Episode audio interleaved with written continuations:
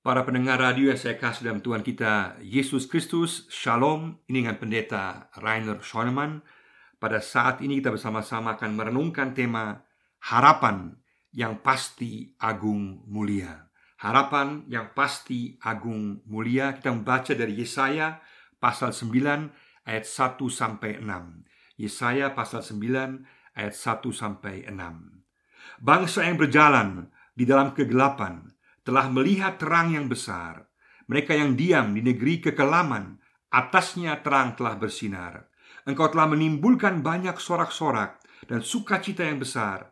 Mereka telah bersukacita di hadapanmu, seperti sukacita di waktu panen, seperti orang bersorak-sorak di waktu membagi-bagi jarahan. Sebab kuk yang menekannya dan gandar yang di atas bahunya serta tongkat si penindas telah kau patahkan seperti pada hari kekalahan Midian. Sebab setiap sepatu tentara yang berderap-derap dan setiap jubah yang berlumuran darah akan menjadi umpan api. Sebab seorang anak telah lahir untuk kita, seorang putra telah diberikan untuk kita. Lambang pemerintahan ada di atas bahunya dan namanya disebutkan orang penasihat ajaib, Allah yang perkasa, Bapa yang kekal, Raja damai. Besar kekuasaannya dan damai sejahtera tidak akan berkesudahan di atas takhta Daud dan di dalam kerajaannya. Karena ia mendasarkan dan mengokohkannya dengan keadilan dan kebenaran dari sekarang sampai selama-lamanya. Kecemburuan Tuhan semesta alam akan melakukan hal ini. Harapan yang pasti agung mulia memiliki harapan adalah hal yang terpenting bagi manusia. Kalau harapan tidak ada, maka segala sesuatu akan tidak bernilai, tidak berarti, dan tidak bermakna, dan menjadi percuma. Tanpa harapan, manusia akan MPP, mati pelan-pelan. Tidak ada energi kekuatan, tidak ada tujuan, tidak ada semangat, dan tidak ada arti. No hope, tidak ada harapan, dan juga akan membawa pada sikap acuh tak acuh, epenkah, sampai kepada kecanduan narkoba dan juga ketidakpedulian dalam semua segi kehidupan. Ada peribahasa mengatakan harapan matinya terakhir. Artinya kalau semua sudah mati dan tidak ada dalam hidup kita, namun jika harapan masih ada, maka manusia tetap masih bisa hidup. Secuil harapan memberikan kekuatan untuk bisa bertahan dan berusaha dalam berbagai situasi hidup. Memiliki harapan sangat menentukan dalam hidup. Pertanyaannya adalah, apakah harapan dalam kehidupan kita memiliki dasar yang kuat? Siapa yang menjamin bahwa harapan kita benar?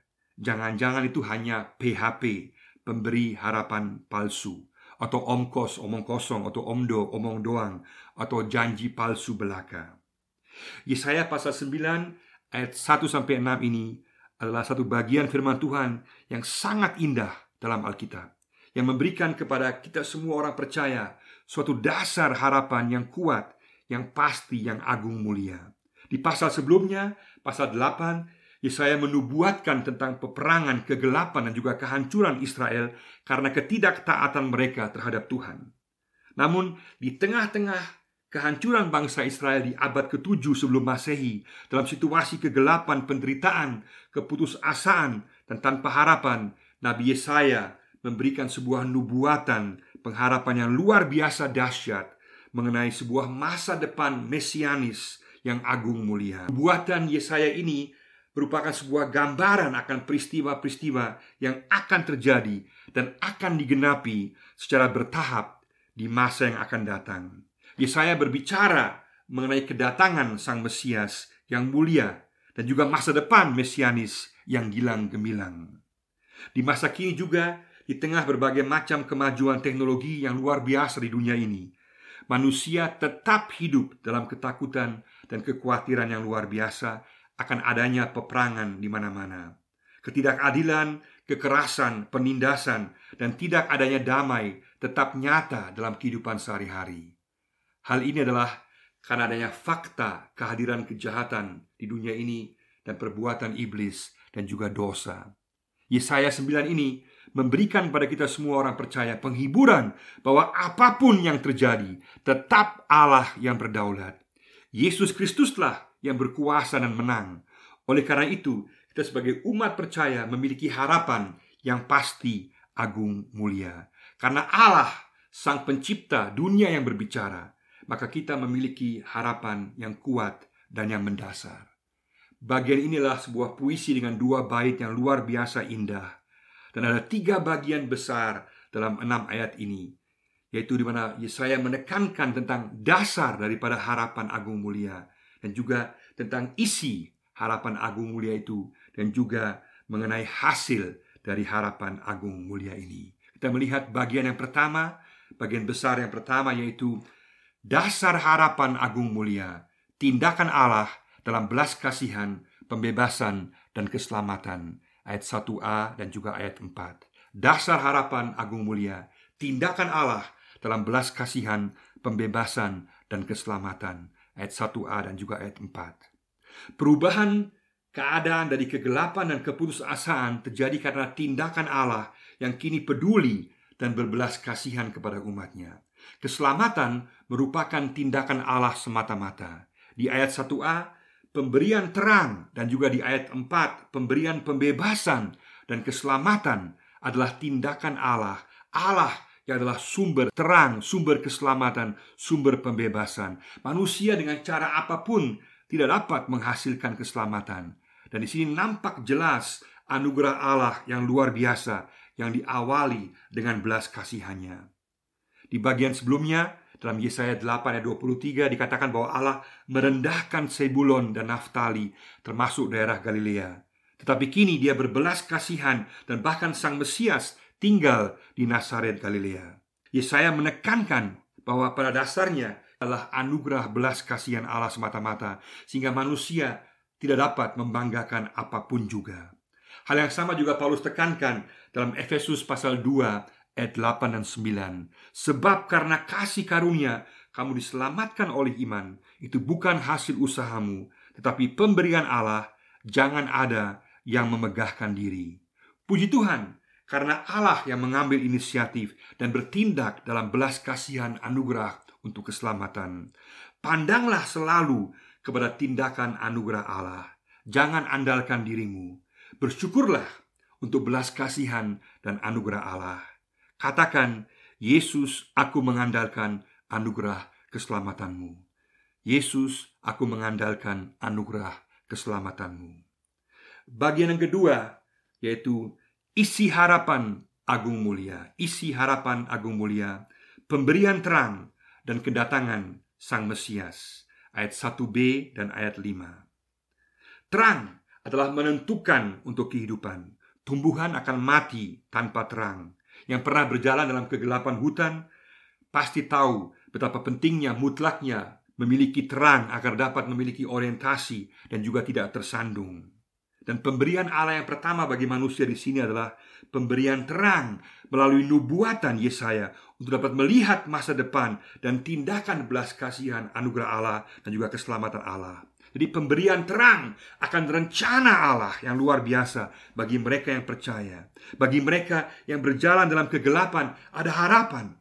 Tidak usah tinggal dalam kegelapan, tapi bisa mengarahkan diri kepada firman dan janji Allah. Pemberian terang di sini kemudian digenapi dalam pribadi Sang Mesias, yaitu Yesus Kristus yang adalah terang dunia, sesuai dengan Yohanes 8 ayat 12.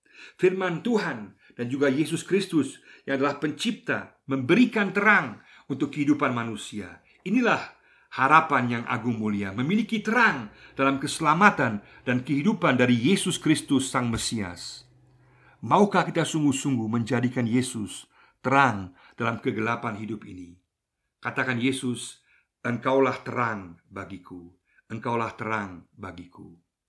Puncak dari nubuatan Yesaya mengenai masa depan Penuh harapan yang agung mulia inilah kedatangan Sang Mesias yang diurapi Sang Juru Selamat di ayat 5. Inilah inti dari nubuatan Yesaya. Pribadi Yesus, yaitu Sang Mesias adalah dasar segala harapan.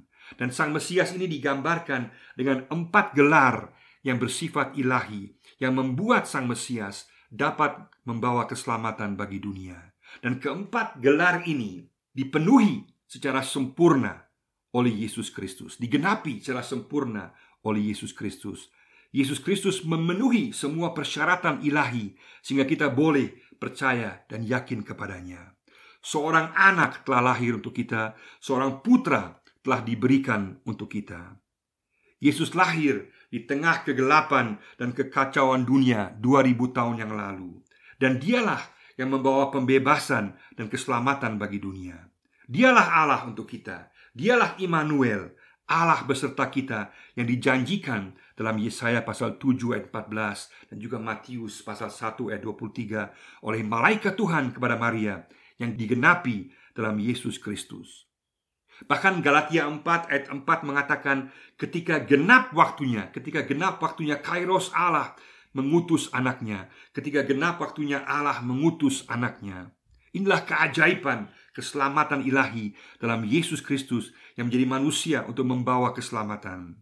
Dan keempat Gelar ini menggambarkan kesempurnaan Sang Mesias, kesempurnaan ilahi Yesus Kristus. Tapi lebih daripada itu, yang digenapi dan dipenuhi oleh Yesus secara sempurna adalah kerinduan dan juga empat kebutuhan mendasar kita manusia.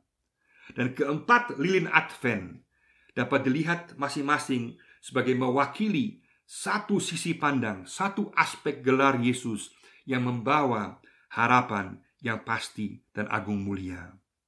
Yang pertama adalah penasehat ajaib, pemberi orientasi arah hikmat dalam kehidupan. Karena Yesus adalah Allah pencipta, maka dia dapat memberikan kepada kita orientasi, arah, tujuan, hikmat dalam kehidupan yang sejati. Dia yang tahu segala sesuatu dari awal dan juga dari akhir. Dia yang dapat memberikan kepada kita orientasi sejati. Karena manusia merindukan orientasi arah yang pasti dalam kehidupan. Manusia ingin tahu dari mana dia berasal, untuk apa dia hidup, bagaimana dia dapat hidup, ke mana dia pergi, dan apa yang dapat dia andalkan, apa yang dapat dipercayai. Itulah pertanyaan dan kerinduan manusia, dan semua ini digenapi dalam Tuhan Yesus Kristus karena dialah sumber pengetahuan sejati. Dia adalah Allah sendiri. Kita dapat mempercayai Yesus sebagai penasehat dalam segala sisi kehidupan. Yesuslah yang memberikan orientasi untuk keselamatan. Yesus berkata, "Akulah jalan kebenaran dan hidup. Tidak seorang pun dapat datang kepada Bapa kecuali melalui aku." Yohanes 14 ayat 6. Keselamatan dan kehidupan kekal kita peroleh saat kita percaya dan menerima Yesus. Namun penggenapannya barulah secara sempurna saat Yesus datang kembali dalam kekuasaan kemuliaan. Yesus juga memberikan orientasi untuk hikmat dalam kehidupan pada saat ini. Dalam Kolose 2 ayat 3 dikatakan bahwa dalam Yesus ada segala harta, hikmat dan pengetahuan.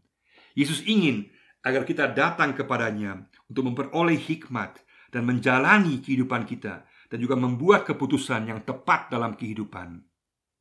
Di masa Advent ini, mari sama-sama kita pandang lilin yang pertama. Yesus ingin menjadi orientasi dan hikmat dalam kehidupan kita?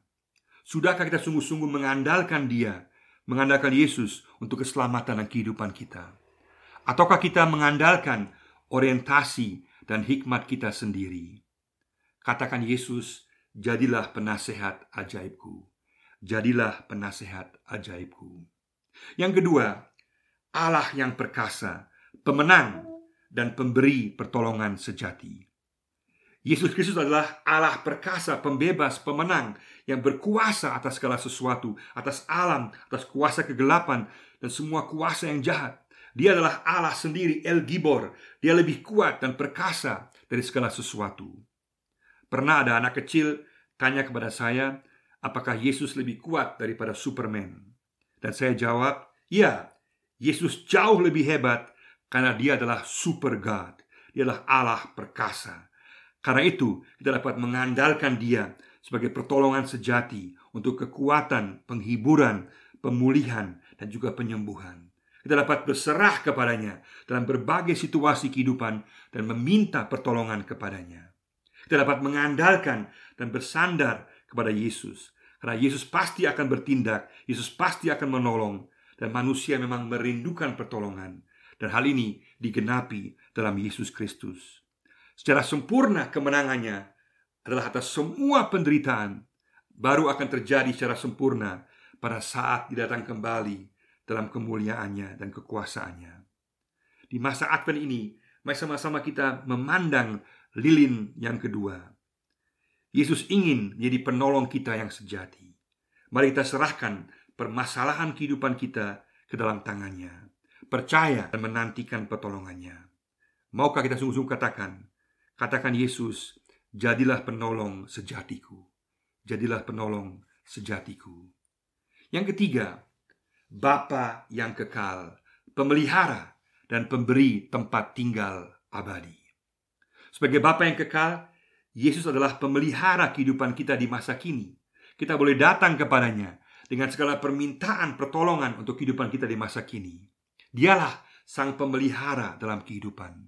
Tapi juga dalam waktu sesudah kematian kita, Yesus adalah Bapa yang kekal yang memberikan kepada semua orang yang percaya tempat tinggal abadi. Semua orang merindukan tempat tinggal abadi.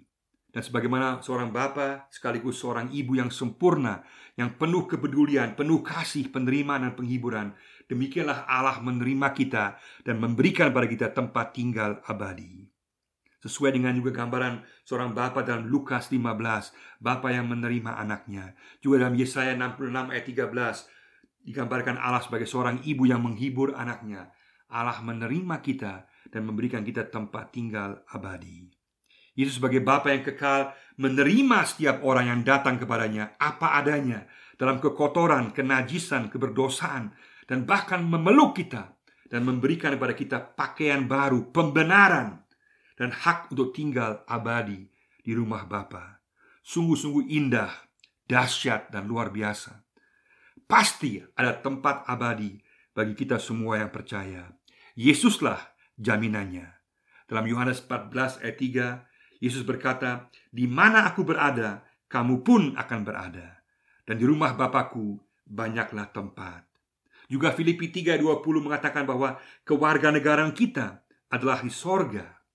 Juga Ibrani 4 ayat 10 dan 11 berbicara mengenai tempat perhentian kekal yang telah disediakan bagi orang percaya.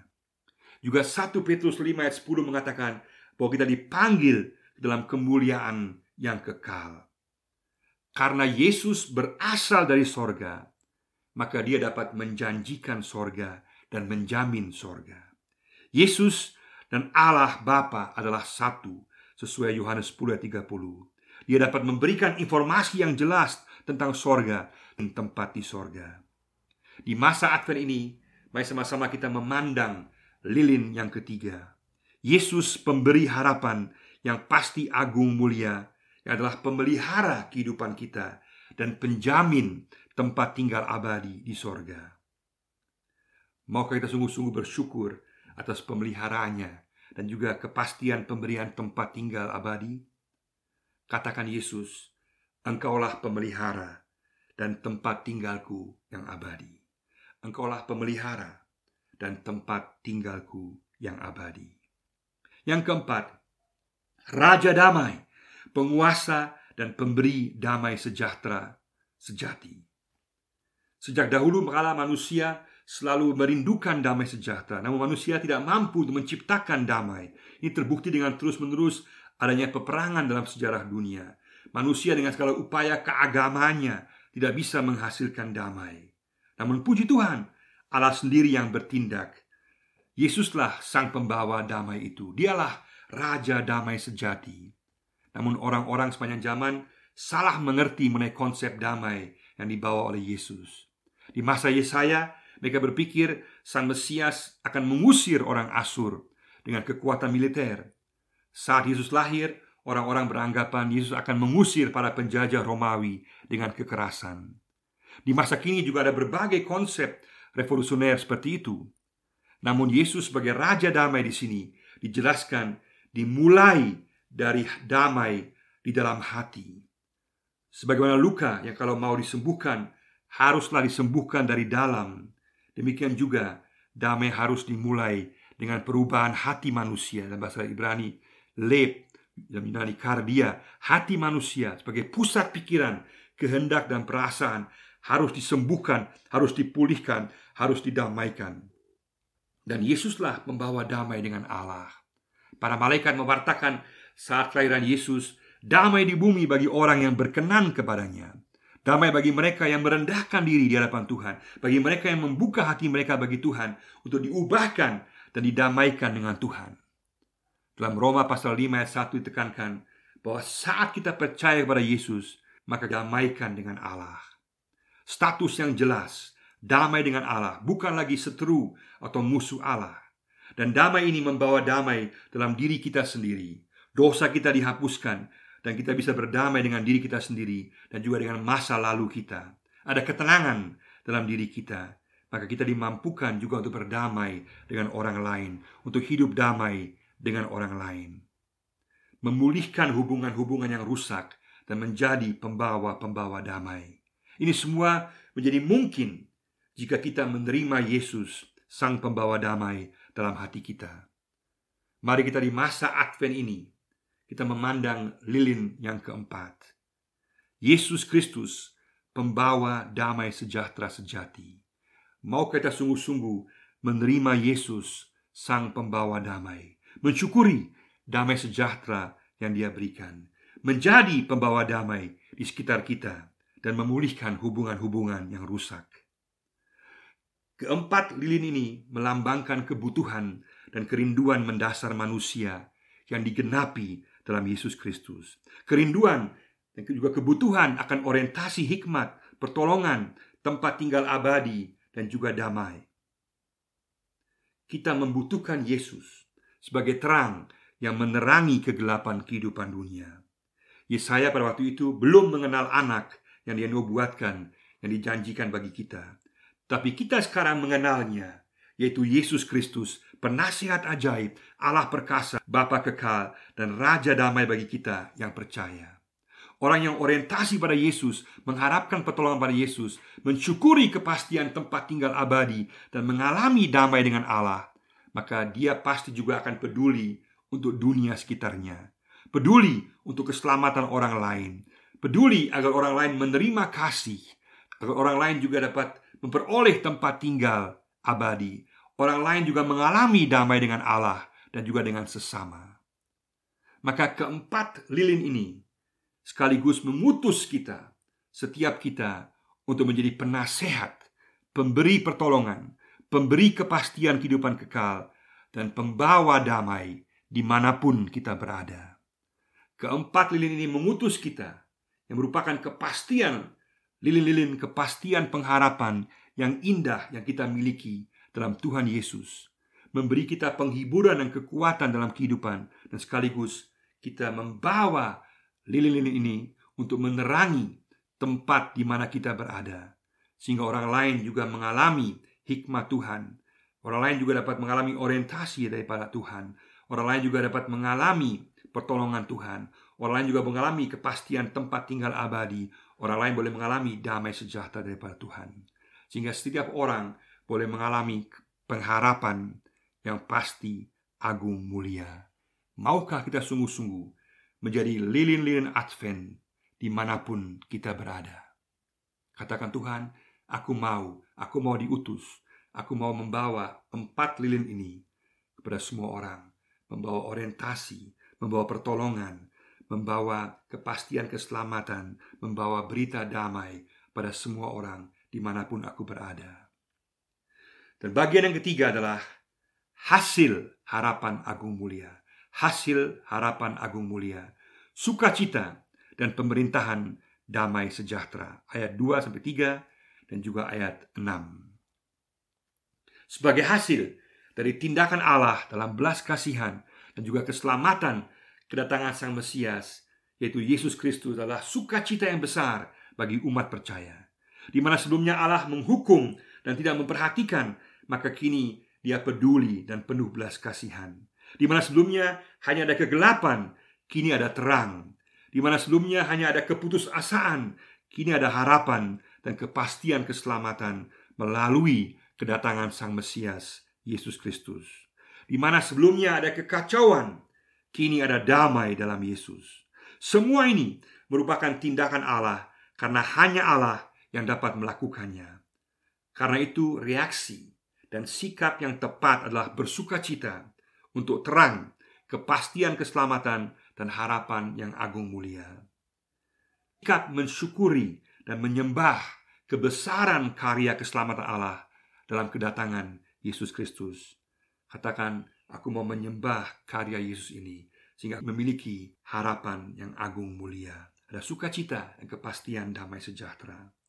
Hasil yang lain yang luar biasa dahsyat adalah harapan akan masa depan dalam damai sejahtera yang gilang gemilang, penuh damai, kemakmuran, sukacita, kebenaran dan keadilan. Segala jenis penindasan, peperangan, dan penderitaan akan berakhir. Di masa lalu dalam sejarah Israel, Allah telah membuktikan kuasanya dan telah bertindak. Dan itulah jaminan bahwa Allah di masa depan akan bertindak dalam dimensi universal yang dahsyat membawa pemerintahan dunia damai penuh dengan damai sejahtera. Dan pemerintahan Sang Mesias inilah gambaran untuk masa depan saat Yesus datang kembali untuk yang kedua kalinya untuk membawa kekuasaan dan kemuliaannya. Kita boleh bersuka cita menyambut masa depan itu dengan penuh kepastian pengharapan karena Yesuslah sang pencipta, pemelihara, penguasa, juru selamat kita Dan dia adalah jaminan kita. Jaminan bahwa perkataan dan janjinya ya dan amin Dan pasti akan terwujud. Di masa itu sesuai dengan Wahyu pasal 21 ayat 4 Tidak lagi akan ada air mata dan penderitaan Dan Allah akan mewujudkan pemerintahan damai sejahtera di dunia Secara universal dan sempurna di masa kini pun kita semua dipanggil untuk mewujudkan tanda-tanda pemerintahan damai sejahtera Yesus dengan hidup dalam terang Yesus. Menjadikan Yesus penasihat ajaib kita dalam segala situasi kehidupan kita.